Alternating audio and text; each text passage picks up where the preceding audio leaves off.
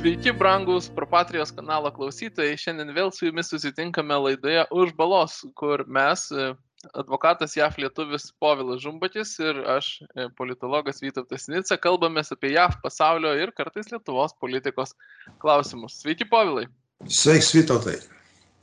Gerai jūs girdėt. Ir šiandien mes kalbamės jau po vasario 16-osios, bet nepaisant to norėtume truputį atsigręžti atgal.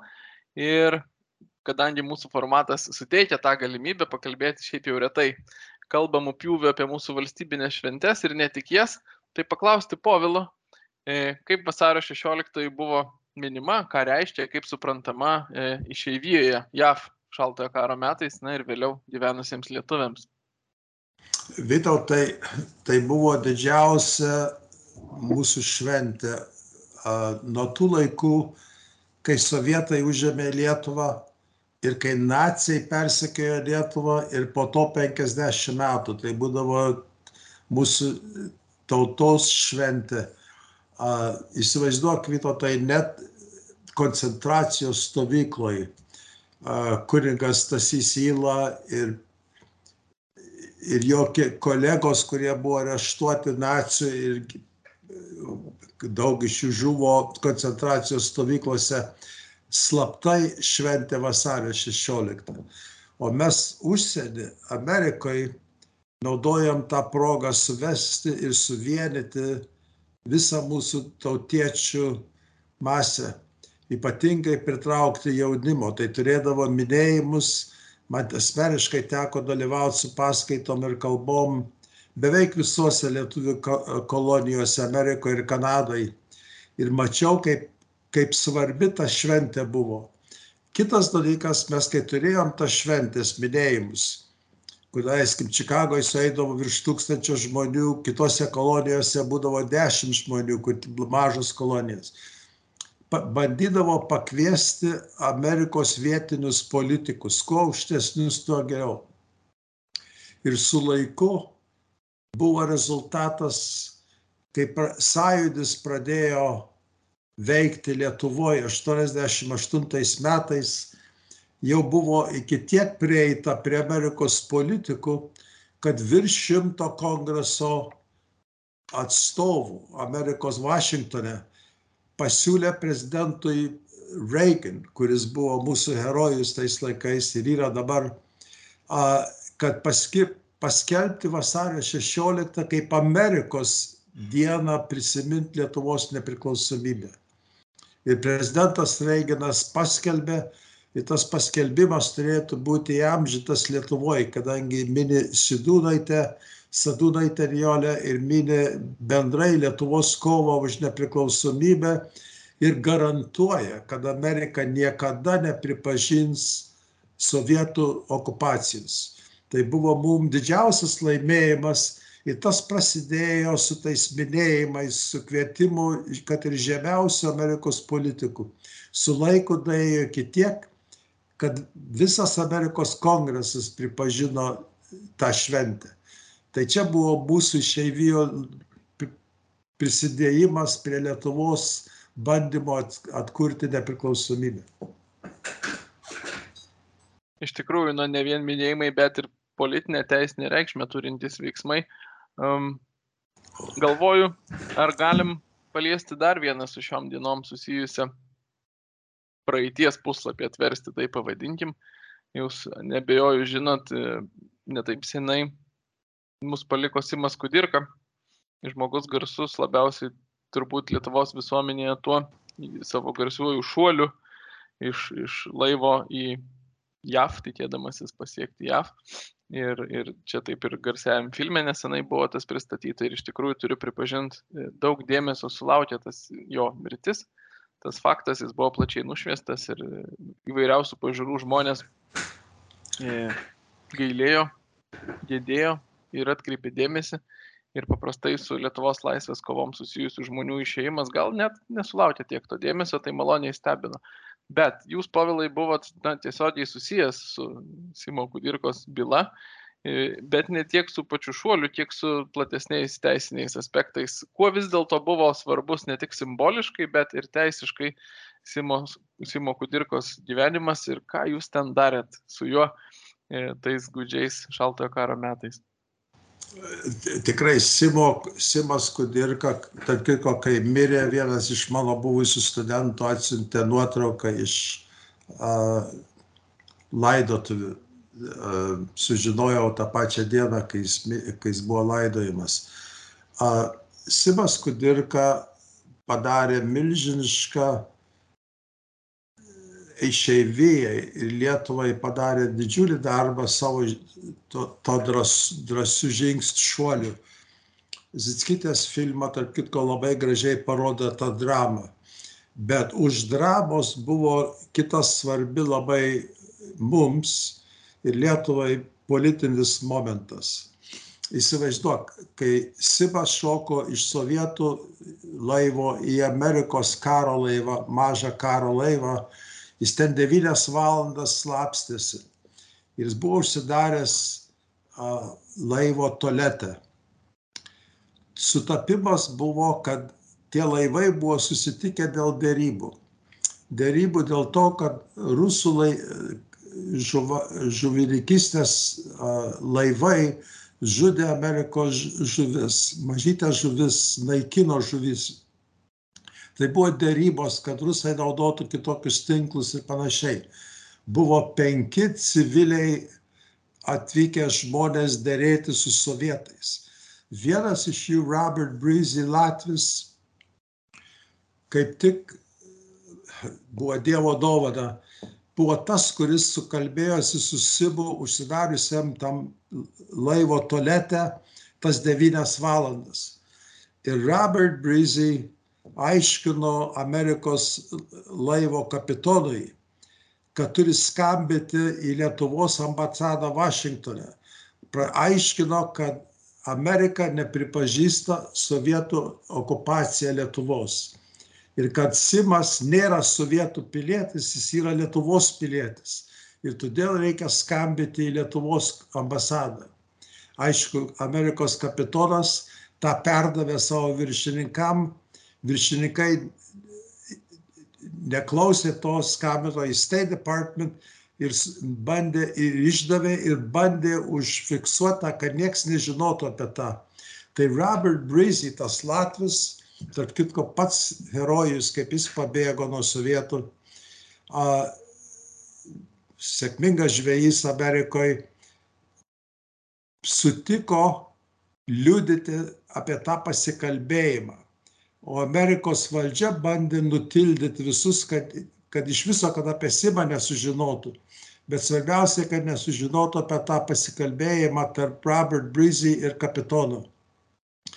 Tai teko įtikinti vieną Amerikos kongreso atstovą, kuris buvo pirmininkas komiteto užsienio reikalam Amerikos kongrese, kad padarytų apklausinėjimus Jis sutiko iš principo, bet dar reikėjo įtikinti visą struktūrą.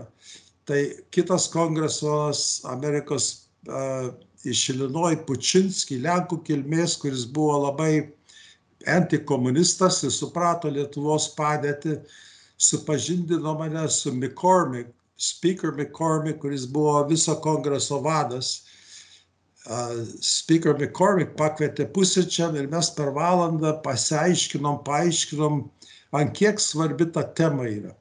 Ir tie apklausinėjimai vyko ir buvo iškeltas Lietuvos okupacijos ir nepripažinimo klausimas ir per tą pateko į tarptautinę žiniasklaidą ir panašiai tą, tą temą. Tai drama buvo labai įdomi ir gražiai pristatyta Zitskytės bet šalia tos bar buvo daug diplomatinis klausimas dėl nepripažinimo, kur Simas labai labai daug nusipelnė. Aš gal tik pasitikslint norėčiau. Tas klausimas pasiekė kongresą ir, ir buvo, na, kaip iškeltas į nacionalinį dėmesio lauką.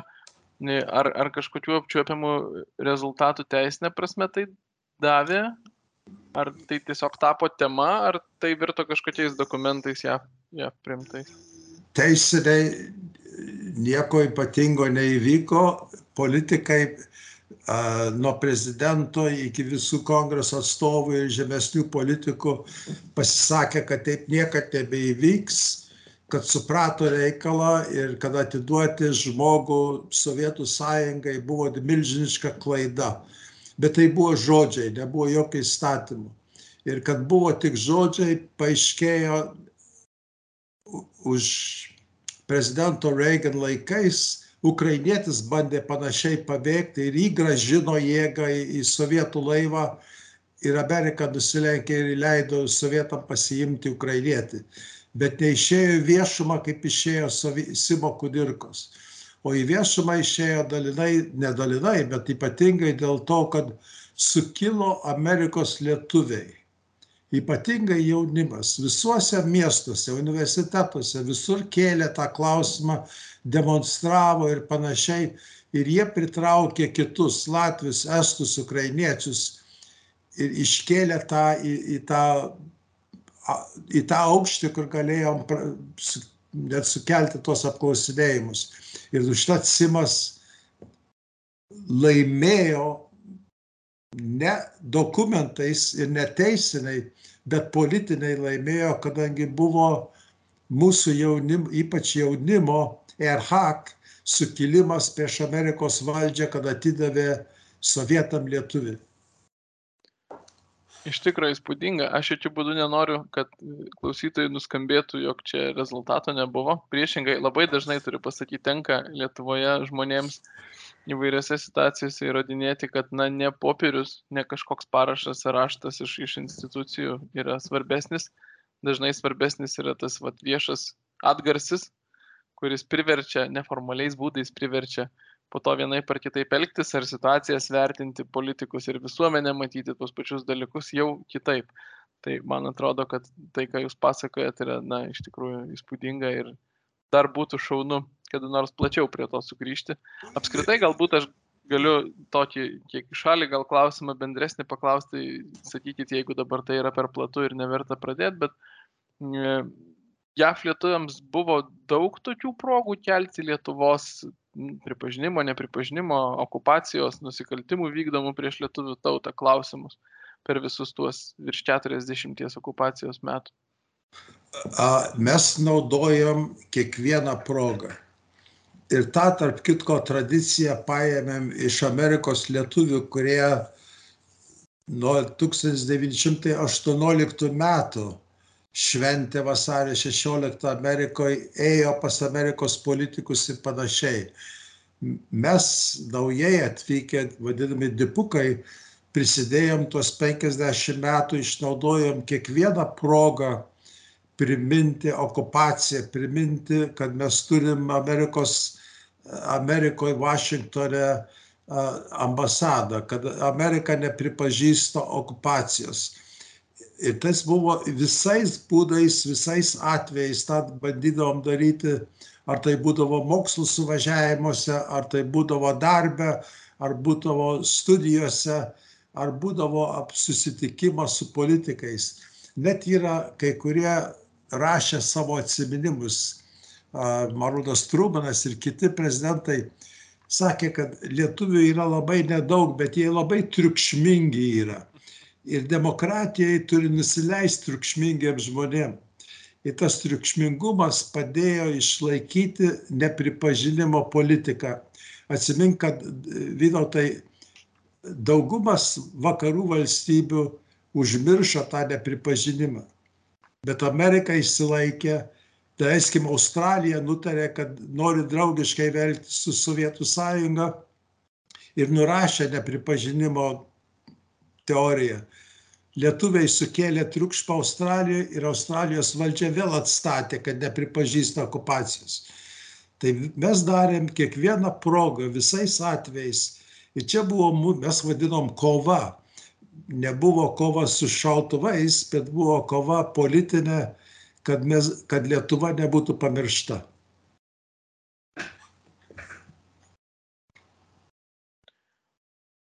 Grįžtim prie šiandienos. E, yra pakankamai, aš nežinau, šiek tiek ir komiška, nors iš tikrųjų rimta situacija ir man pakankamai sudėtinga ją suprasti, jūs padėsite.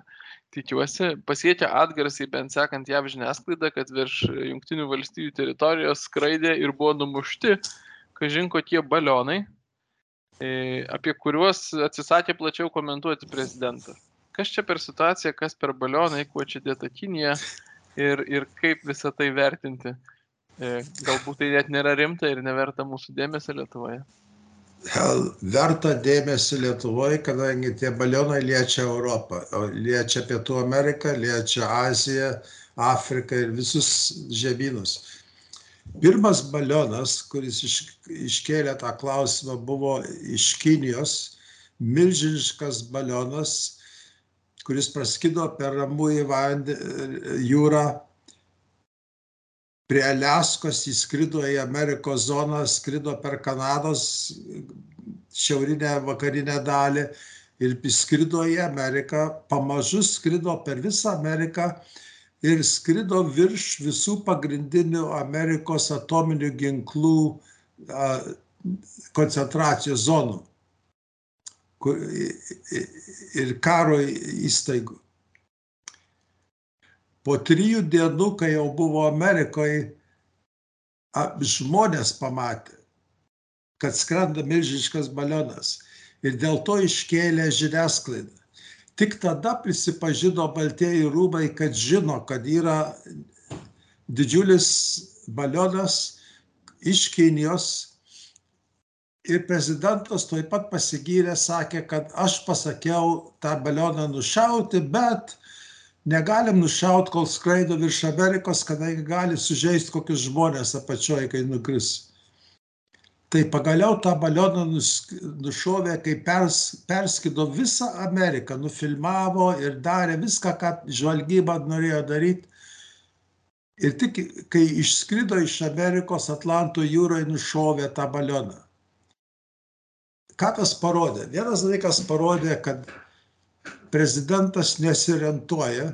Antras dalykas, kad Amerikos saugumas per pirštus žiūrėjo į tokį rimtą dalyką, kur skrido labai aukštai balionas, labai pamažu ir filmavo visas atominės Amerikos gynybos pozicijas. Buvo grinai žvalgybos instrumentas. Tuo pačiu, tokio didumo balionas, kuris vežė milžinišką instrumentų paketą. Sakė, kai maždaug tiltų į tris autobusus, to tiek daug medžiagos vežė. Galėjo įvežti bombą, galėjo įvežti ginklus, galėjo sunaikyti Amerikos infrastruktūrą ir panašiai. Po to, kai buvo masinė kritika, prezidentas įsakė šaudyti visus balionus, kur nepripažįsta ir buvo trys maži balionai, nežino, kas juos paleido po Kanadą ir Ameriką, nežino, kur jie skrido, ką jie vežė, bet Amerika juos nušovė. Ir pasigyrė Bidenas, kad nušovė visus tris, kadangi jis yra dabar kietas. Bet po to paaiškėjo, kai jie nežino, ką jie nušovė. Ir įsivaizduoju, kaip jie šovė Vytautai. Naudojo iš geriausio pros, le, karinių lėktuvų ginklus, kur tos raketos kainuoja 400 tūkstančių dolerių. Tai būtų panašiai, kad su patranko bandytų nu, nušauti uodus. Buvo nesąmonė. Bet ką tas viskas parodė, kad prezidento Bideno administracija absoliučiai nesiorientuoja, kas dedasi, nežino, kaip reaguoti į Kinijos provokacijas paaiškėjo, kad Kinija tokius balionus siuntė bent į 40 valstybių po visus penkius kontinentus, žemynus. Ir prezidentas Bidenas norėjo pasirodyti, kai jis yra rimtai reaguoja, atšaukė kelionę užsienio reikalų ministro į Kiniją ir jo sekretorius, tai yra ministras gynybos, paskambino Kinijos ministrui gynybos tik ministras nesakė telefoną. Tai aiškiai matosi, kaip Kinija tampo prezidento Bideno už nosies, ir kyla net klausimas, ant kiek prezidentas įvairiai su savo šeima yra susikompromitavęs su nešvaria priekyba su Kinija. Čia yra kitas klausimas, platus klausimas, bet gana aišku, kad jo šeima yra sukompromituota. Ir klausimas yra, ar čia nebuvo vaisius tos kompromitacijos. O kas lietė patį Bideną, kuris yra praktiškai dabar senile, nežinau kaip lietuviškai panaudoti tą žodį. Kaip senile. kultūringai panaudoti čia atveju. Gali ir nekultūringai panaudoti. Bet juokas buvo, sako, jis tikriausiai mane, kad kas nors švenčia gimtadienį ir paleido balionus. nu taip. Senat, nu, tai, tai yra žodis nurodantis į senatvinės kokias nors silpnybės pavargimą, silpną protystę, nebūtinai, na, bet yra, yra to iš tikrųjų turbūt nuolatos. Prezidentas Bidenas suteikia mums visiems tokių naujų epizodų, ypač iš savo viešų pasirodymų, spaudos konferencijos ir panašiai, kurie verčia va tą žodį su klaustuku vartoti. Man dar toks klausimas prašosi. Viena vertus tai aiškiai parodė JAV nepasiruošimą, nesaugumą tam tikrą, juk tai galėjo būti ne tik žvalgyba, tai galėjo būti ir kokie nors užkratai nešami ir panašiai. Bet kita vertus, o ką reiškia tokie veiksmai, čia aišku spekuliatyvus klausimas, bet vis tiek. Ką reiškia tokie veiksmai apie Kiniją, apie tai, kokioje stadijoje yra. Anksčiau Kinija stengiasi taip neprovokuoti kažkaip Amerikos ir, ir, ir tiesiog kovojo ekonominius karus per, per savo kolonializmą trečiosiose šalise, išpirkinėdama svarbiausius objektus Afrikoje, Azijoje, kitose šalise, bet nestoja kažkokias tiesioginės konfrontacijas ir provokacijas su JAV. E, ar jūs interpretuotumėt, kad čia reiškia kažkokį naują žingsnį Kinijai vis labiau pasiruošiant konfrontacijai, ar, ar kaip jūs vertinate būtent, kaip suprasti Kinijos elgesį šiuo atveju? Čia labai plati tema, Vytautai, bet aš sutinku su tais mokslininkais, kurie sako, kad Kinija ruošiasi trečiam pasauliniam karui. Karas be abejo būtų tarp Kinijos ir Amerikos. Viską, ką jie daro prie jūros, kur užėmė tas salas ir pastatė e, karinės bazės, spaudimas ant visų Azijos kaimynų ir aiškiai pasisakymas, kad jie vienaip ar kitaip atsims Taivaną, nors Taivanas niekada nebuvo Kinijos dalis. Bet ten gyvena 22 milijonai žmonių, kur amerikonai yra teoretiškai sakę, kad jie gins. Bidenas kelis kartus, tris kartus yra pasakęs, kad mes eisim kariniai ginti Taivaną. Bet ką jis pasako, nereiškia, kad Amerikos yra tokia politika kiekvieną kartą, kai jis tą pasakė, tą pačią dieną jo štabas pataisė, sakė, ne, ne, mes netai, jis netai pasakė. Tai dabar teorija yra ir labai rimtai kalbama, kad kol Bidenas prezidentas, Kinija nutars kariniai perimti Taivaną. Ir dabar diplomatiniai, ekonominiai ir kariniai Kinija, komunistų Kinija bando pralenkti Ameriką ir praktiškai yra pralenkus kariniai. Turi milžišką kariuomenę, laivynas yra didesnis negu Amerikos, aviacija baigia pasivyti, atominiai ginklai sako, kad tik turi 3-400 atominių ginklų, bet nieks nežino ir jų ginklų tuneliai, atominių ginklų tuneliai yra po visą Kiniją tai jie gali turėti daug, daug daugiau negu galvoja. Ir viskas yra taikoma prieš Ameriką. Dabar reikia atsiminti, kad Kinija dirba kartu su Rusija ir su Iranu. Yra trijų kraštų diktatūrų draugija, kurios priešas, pagrindinis priešas yra Amerika, antraeilis priešas yra Europos Sąjunga. Ir viskas tas veda prie pasaulinio karo. Tai yra labai bauginantis momentas. Daug kas tą nurašo ir tą netiki, bet jau yra rimtų žmonių, kur taip prognozuoja. Ir čia yra pasirodymas, kad jau ne tik nebijo Amerikos, bet tampo Amerika už nosis.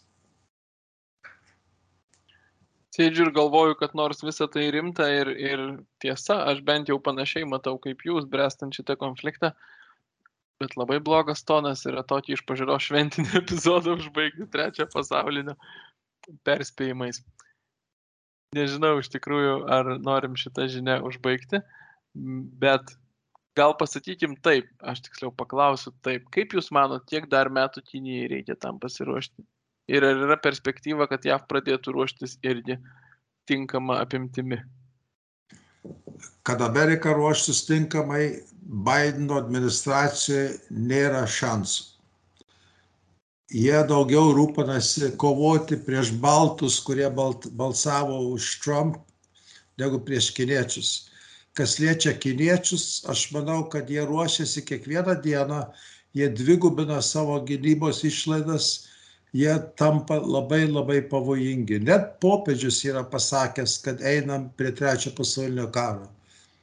Taip kad ne, čia nėra koks nors susigalvojimas Don Quixoto, žinai. Ne, žiūriu rimtai ir nepavyks čia kažkaip nerimtai pasižiūrėti.